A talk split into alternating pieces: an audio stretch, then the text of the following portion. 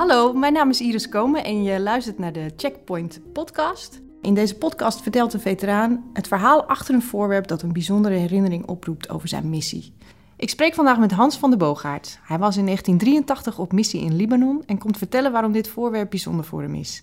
Hij vertelt eerst iets over zijn medailles, dan over zijn dienstplicht, over zijn ervaringen in Libanon en over het vrijwilligerswerk dat hij voor veteranen doet. Welkom Hans.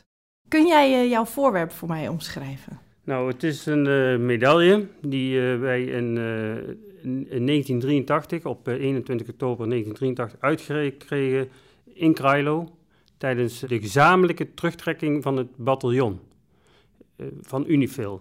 De regering had besloten om zich terug te trekken uit Zuid-Libanon.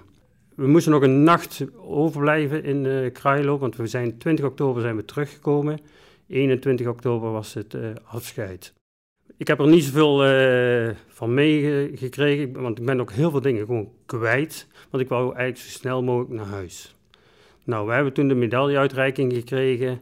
Ik heb een, een mooie medaille gekregen. Maar toen ik mijn ouders mijn medaille wou laten zien, was hij weg. En toen ben ik naar mijn kapitein gegaan, Peter van Uhm. Ik heb het verhaal verteld wat er gebeurd was. En ik kreeg de medaille van hem. Hij zei, ik regel dat wel. Ik zorg wel dat ik een nieuwe krijg. Hier heb je de mijne. Ik heb hem aangenomen. Ik ben zo snel mogelijk uh, gegaan, want ik wou naar huis.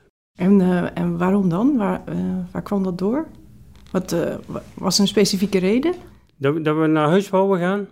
Nou, zeven maanden Libanon, je zit niet in je koude kleren, laat het zo zeggen.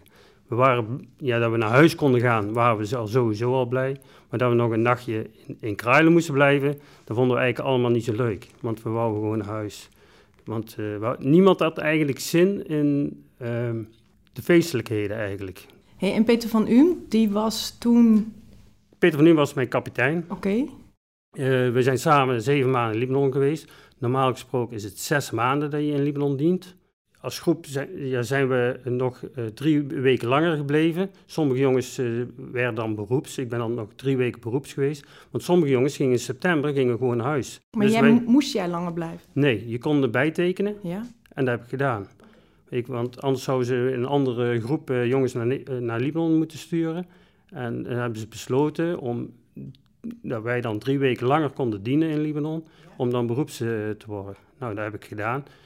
Uh, ja, het, het, vervelende was dat sommige jongens eigenlijk al weggingen en wij bleven. Echt uh, huilende jongens. Ja, ze moesten iedereen achterlaten. En, ja, ja. Dus die zijn naar huis gegaan en ze zijn de, de schoolbank ingegaan. En sommigen zijn gewoon gaan werken of die andere afspraken, want die, al, alles was geregeld. En sommigen, net als ik, ja, ik had niks uh, om handen. En ik, uh, ik heb me beide armen aangegrepen om, om, om daar nog drie uh, weken langer te dienen in Libanon. Oké. Okay. Je zei dat je, het was je dienstplicht, hè? Ja. toch? Ja. En daarna heb je bijgetekend om beroeps te worden, zeg ja. ik dat goed? Het, je, het gekke is, ja? ik, ik, had de dienstplicht, dienstplicht, maar ik had de broederdienst. Ik was de derde. Maar ik had geen school afgemaakt. Ik denk, nou, je moet geld verdienen, dus ik ga eigenlijk dus diensten. Je, je hoefde niet? Ik hoefde niet. Nee. En uh, uiteindelijk, uh, als je zo bekijkt, ik ben als kanonier ben ik opgekomen in dienst. En van september tot december heb ik als kanonier gediend. Maar wat is kanonier? Dat is een grote tank, is dat. De, en toen ben ik kwam er een voorlichting van Libanon. Nou, toen, ik stak al meteen mijn hand op. Ik zeg, ik wil wel naar Libanon, want mijn broer was in 79 al geweest. In Libanon? In Libanon. Ja. En ik denk, oh, dan ga ik daar gewoon naartoe. Hè. Dan kan ik daar mooi naartoe en dan kan ik nog extra verdienen, avontuur. ja. Dus ben ik in januari ben ik bij de jongens gekomen, bij de groep. Maar ik wist niet dat, als, dat ik er als reserve was. Maar in maart, 23 maart, zat ik al in Libanon. Was je wel opgeleid dan? Nee. en ik was nog, ja, als, je zo bekijkt, en zo is de band eigenlijk al een beetje eh, ontstaan met Peter van U. De eerste oefening die, die ik draaide, ik was helemaal niks gewend. Ik, ik eh, ja, bier drinken, dat was ik gewend. En, zo min mogelijk doen, want een kanonier doet niet zoveel. en die andere jongens, die deden heel veel. En uh, de eerste oefening moesten ze mij ook hebben. He, je had beroepssoldaten, die wouden mij testen toen want toen regende het, een beroepssoldaat, die wou mij dat ik ging liggen in een plas water. Ik zeg, ga niet in een plas water liggen. Ik zeg, eh, dat doe ik dus niet. Hij zei, liggen, liggen, liggen tegen mij. Ik zeg, nee, dat doe ik niet. Liggen, liggen, liggen. Dus ik sta op, gooi mijn wapen weg en ik loop aan. Toen Olaf Veldhuizen, mijn pelotonscommandant, die woonde dicht bij mij in de buurt. Hij zegt, uh, Hans, waar ga je naartoe? Ik zeg, ga naar huis. Ik zeg, heb het wel gezien hier. Uiteindelijk heb ik gewoon mijn dingen in die twee maanden die er nog eh, resterend waren. Met de opleiding heb ik gewoon meegedaan. Ik heb gewoon alles gedaan. Ze hebben je niet weggestuurd? Ze hebben me niet weggestuurd, maar er moest er een beslissing genomen worden. En Peter van Nuem en Olaf Veldhuizen, die uh, gingen in gesprek. En uh, Peter van Nuem was er niet vergeten, de wat ik gedaan had. En Olaf, die zei, ik wil dat Hans meegaat naar Libanon. En nou, uiteindelijk gebeurde dat ook. Maar Peter zei van, het zijn jouw mannen, jij moet ermee werken. Dus jij beslist wie er meegaat. Dus ik ging. En ik was meteen 23 maart ben ik er naartoe gegaan. En achteraf gezien, ja, functioneerde ik heel goed in Libanon. Sommige jongens die, die een rang hadden of iets anders, die zakten door het ijs in, in Libanon. En ik niet. Ik deed mijn werk. wat bedoel je daarmee? Uh, die hadden dan een functie, die hadden een leidinggevende functie, maar die konden die functie gewoon niet aan. En ik zelf, ik was gewoon soldaat en ik deed gewoon mijn werk. Wat ik moest doen, dat deed ik. En anderen, ja, ik zou zeggen, die deden dat niet. Want je moest gewoon je, je werk doen en uh, ja, in groepsverband, dat was heel belangrijk. Jij zei dat je meteen je hand opstak hè, om naar Libanon te gaan. Wist je wat je te wachten stond? Nee, helemaal niet. Had je, wat had je een beeld? Ik heb met mijn broer, en dat is ook nog zo, mijn broer is in 79 geweest. En die heeft nooit gezegd van, uh, Hans, je moet niet gaan of iets anders. Of... Maar die heeft heel veel bombardementen meegemaakt. Die praat ook niet over Libanon. Als ik erover begin, dan zegt hij van, schei uit, bewijzen van. Nee, wij, wij zitten niet op één lijn, zou ik zo zeggen. Jij praat er wel makkelijk over. Ja, ik wel. Ja. Ik heb een goede tijd gehad, ik heb veel gezien, ik, heb, ik ben veel posten geweest. Ik, ik heb altijd geluk gehad als er iets was, ik werk erbij betrokken. Dus als, ik, eh, als er een, eh, een roodblok eh, in één keer opgebouwd werd, hup, Hans er naartoe. Hup. Ik werd steeds, ja, ik werd meteen altijd naar voren geschoven. je zegt dat je broer er niet over wil praten, hè? Dus jullie hebben alle twee, alle twee ongetwijfeld heftige dingen meegemaakt. Ehm, weet je, weet, kun jij daar nog iets over vertellen? Nou, mijn, zoals, ik, zoals ik begrepen heb, uh, mijn broer heeft heel veel in, in de schuilkelder. De eerste jongens hebben heel veel bombardementen meegemaakt. Okay. Hebben heel veel in schuilkelders gezeten en weet ik allemaal wat. In onze tijd was dat niet zo. We hebben wel veel schietpartijen gehad. We hebben wel gijzelingen meegemaakt. En de eerste jongens die daar waren, die, toen, toen er een raket uh, ja, vloog, zou ik maar zeggen, je hoort daar fluiten. De eerste jongens die keken gewoon, wat gebeurt er nou? En dan kwam die inslag en stond, iedereen stond nog gewoon, ja, gewoon recht. Maar bij de tweede, toen ze het hoorden, was iedereen die lag. Want niemand, niemand wist wat het was. En die hebben echt heel veel meegemaakt. De eerste jongens die, die hebben zoveel uh, uh, meegemaakt eigenlijk. Want ja, die, die kregen uh, ja, al die raketaanvallen. Ja. En dat was best wel heftig. Heb ik van vele jongens heb ik daar gehoord. En wij hadden daar echt, nee, ik, nee, hadden dat niet. Wel veel schietpartijen, dat wel. Laat zo zeggen, ik weet wel waar een kogel is. Als ik dat hoor, dan, ja, dan weet ik wel waar, waar dat is. En um, na zeven maanden kwam je weer in Nederland. Hè? Um, je had niks om handen. Uh, had heb jij nog hulp gekregen om uh, dingen te verwerken? Zoals wat jij zegt, hè? Nee. je weet wat een kogel is. Niet nodig had ook. Nee, nee, nee. Ja, maar er was ook niks. Ook al zou je iets... Er, er, ja, er was niks. Dus je, je, werd naar huis gestuurd en toen was het. Ja. Ja, verder, ik zou niet weten of ik een brief heb gehad of iets anders ik kan me eigen echt niet herinneren dat ik uh, hulp kon zoeken of iets anders. Nee. En uh, wat ben je gaan doen toen je in, uh, weer in Nederland was? Nou, ben ik ja, verschillende baantjes heb ik gehad, maar toen kreeg ik in, in 1985 kreeg ik de kans om bij Philips te gaan werken. Ja. En toen werd ik aangenomen omdat ik in Libanon was geweest. Oké. Okay. ik moest testen doen en nou, eh, ze wisten eigenlijk niet hoe ze de cijfers moesten houden, want dat hadden ze nog nooit zo slecht gezien. Maar die man, uh, die, die, ja, die, vond mij gewoon geschikt. Van de groep van de 15 waren ook drie Libanongangers die aangenomen werden. En uh, van daaruit, omdat ik dan werkte, En dan, dan pakte ik mijn kans en dan, dan functioneerde ik heel goed. Maar ze vertelden wat je moest doen, dan deed ik dat gewoon. Uh, nou, en uiteindelijk heb ik toch nog een diploma gehaald en zo ben ik eigenlijk in het arbeidsproces gekomen. Wat heb je gedaan bij Philips? Nou, ik heb een, een jaar in, de bewaking gezeten. En sinds 2001 werk ik bij de Nederlandse Spoorwegen. En nu als hoofdconducteur. En ik heb begrepen dat je ook heel veel voor veteranen doet. Kun je daar iets over vertellen? Ja, ik ben in, uh, in 2005 ben ik teruggegaan naar Libanon. Ik, uh, tijdens een reunie uh, kregen we een, een, briefje van weerzien met Libanon. Gaat als eerste terug naar Libanon. En ik zei tegen Maya, tegen mijn vrouw, ik zeg, ik wil mee. We zijn mee geweest in 2005 en ik had echt een vakantiegevoel. Ik denk, terug, lekker terug. En ik, ik, maar er waren heel veel jongens die dat niet hadden.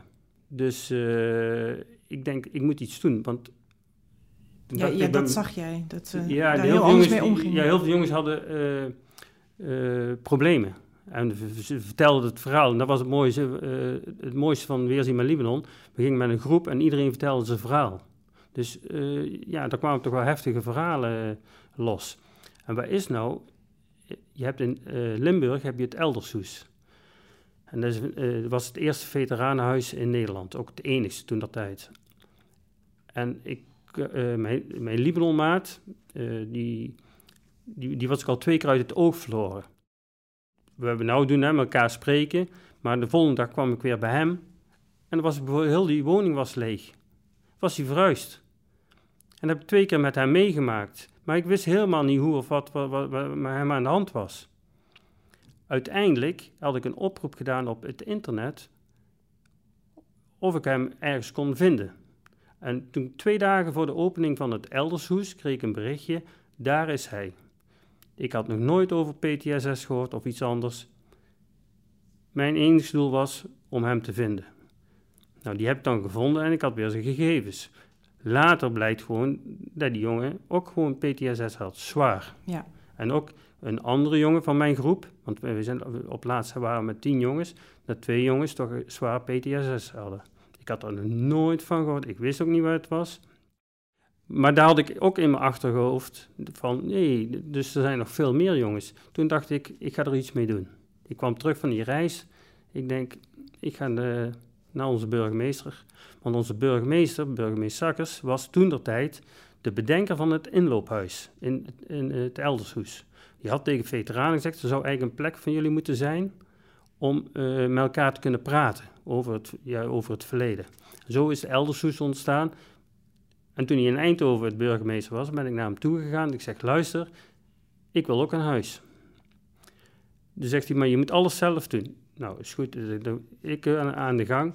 Heb ik een oproep gedaan in uh, Checkpoint. Er zijn verschillende jongens op afgekomen. En we zijn begonnen. We zijn toen eh, de eerste Veteranendag eh, gaan organiseren. En daar is eigenlijk zo verder is het inloophuis te sprake gekomen. En in 2008 is ook het uh, inloophuis te treffen gekomen in Eindhoven. Dus ja, maar in ieder geval er waren veel jongens, waar ik zag, die, die, ja, die problemen hadden. En ja, daar wou ik iets voor gaan doen. En daar, ja, daar hebben we eigenlijk ook gewoon steeds gedaan. En in dat inloophuis kunnen ze samenkomen en... Uh... Ja, dus uh, ja, samenkomen. Maar het is niet alleen maar voor jongens van PTSS. Het zijn ook gewoon jongens om dat je samen dingen doet. Ik vind bijvoorbeeld uh, belangrijk om samen dingen te doen. Sporten of andere dingen. Dus er zijn gewoon veel andere dingen die, die ik heel erg belangrijk vind. Want zeven maanden Libanon is gewoon iets anders dan hier zeven maanden Nederland. Maar dat is ook eh, maar vier jaar of vijf jaar in Indonesië, die jongens die heel lang weg geweest zijn, daar weet niemand niks van. Of Bosnië of Afghanistan of, uh, Zuid of Korea of iets anders, maakt niet uit. Ik kan het wel vertellen en ik kan wel vertellen wat, een kogel is, maar je, het gevoel heb je niet. En heel veel mensen weten helemaal niet wat eigenlijk die veteranen mee hebben gemaakt. En om bij elkaar te komen en samen dingen te doen, is daar gewoon heel erg fijn. Nou, um, heb ik begrepen dat um, uh, je het verhaal over de medaille, die, wat je mij al eerder vertelde op de, voor op de achterpagina van Checkpoint, dat dat nog een staartje heeft gekregen. Kun je daar iets over vertellen? Van Annemie kreeg ik een, uh, een, een bericht. Uh, Frans uit Heerenveen mijn medaille had toen de tijd had gevonden. nou, ik heb een afspraak met Frans gemaakt. Ik ben naar Heerenveen gegaan. En ja, het was eigenlijk heel erg bijzonder. Hij vond het ook heel erg bijzonder, want hij was pas ingeschreven bij Checkpoint. Hij, had pas een veteranenpas, dat had hij ook laten zien. Dus hij, toevallig kan het eigenlijk niet. Dus het was zijn eerste checkpoint en hij leest het verhaal. Hij heeft toen de tijd, zoals hij mij verteld heeft, hij die medaille opgeraapt. Heeft hem gewoon in zijn binnenzak gedaan, verder niks meer aan gedacht. Is gewoon naar huis gegaan, net als iedereen, gewoon andere gedachten. Helemaal niet meer bij stilgestaan. Totdat hij die checkpoint ziet en, en zeer verbaasd was uh, over het verhaal. En zo contact gelegd. Ik ben er naartoe gegaan, ik ben er echt hartelijk ontvangen. Uh, we hebben echt wel een paar biertjes gedronken en toen heeft hij me mijn uh, medaille gegeven. Nou, ik vond het geweldig. Hij vond het ook zeer bijzonder. Zelfs uh, de vriend die het allemaal voor me geregeld had, die was speciaal ook gekomen. En het was gewoon, heel, ja, het was gewoon echt heel bijzonder. En het gekke is, we waren heel kort bij elkaar. Maar het was net of je elkaar al jaren kende en je praat over dingen weer. En dat is eigenlijk het veteranengevoel die je dan hebt dus het was gewoon heel erg bijzonder. Ik heb hem gezegd, ik zeg, ik ga naar uh, Peter, ga die medaille terugbrengen. Nou, ben ik later ben ik dan met de medaille ben ik ook terug naar Peter toe gegaan. En die vond dat gewoon heel erg geweldig. En, uh, ja, ik ben uh, afgereisd naar, naar zijn woonplaats en het was gewoon ook weer, ja, het was eigenlijk het cirkeltje rond. het is gewoon heel bijzonder dat toch na zoveel jaar, meer dan 36 jaar, dat ik dan de medaille terugkrijg. En ja, gekker kan het eigenlijk niet worden eigenlijk. Hè? Dat je dan in één keer, voor, voor, Frans ook, die, die was zonder perplex, hij het las eigenlijk al. En daarom is checkpoint lezen is ook eigenlijk heel belangrijk voor iedereen. Ik hoor daar gewoon uh, de meerdere verhalen, want zo heb ik wel meer verhalen. Uh, ik heb al zo een keer eerder iets uh, gedaan. Als je de verhalen leest, en vooral voor de oudere veteranen, dat het gewoon heel erg belangrijk is. En ik hoor gewoon ook van veteranen in het inloophuis die lezen daar van A tot Z. En als je dan met verhalen komt, en, en met, met, dit of met andere dingen, en met uh, de ereplekken allemaal, dat het gewoon heel, uh, checkpoint heel ja, boeiend is om je verhalen te delen. En ik vind gewoon zo, verhalen moet je eigenlijk altijd delen. En dat is met veteranen waar we doen, maar we moeten eigenlijk ook met de burgers doen.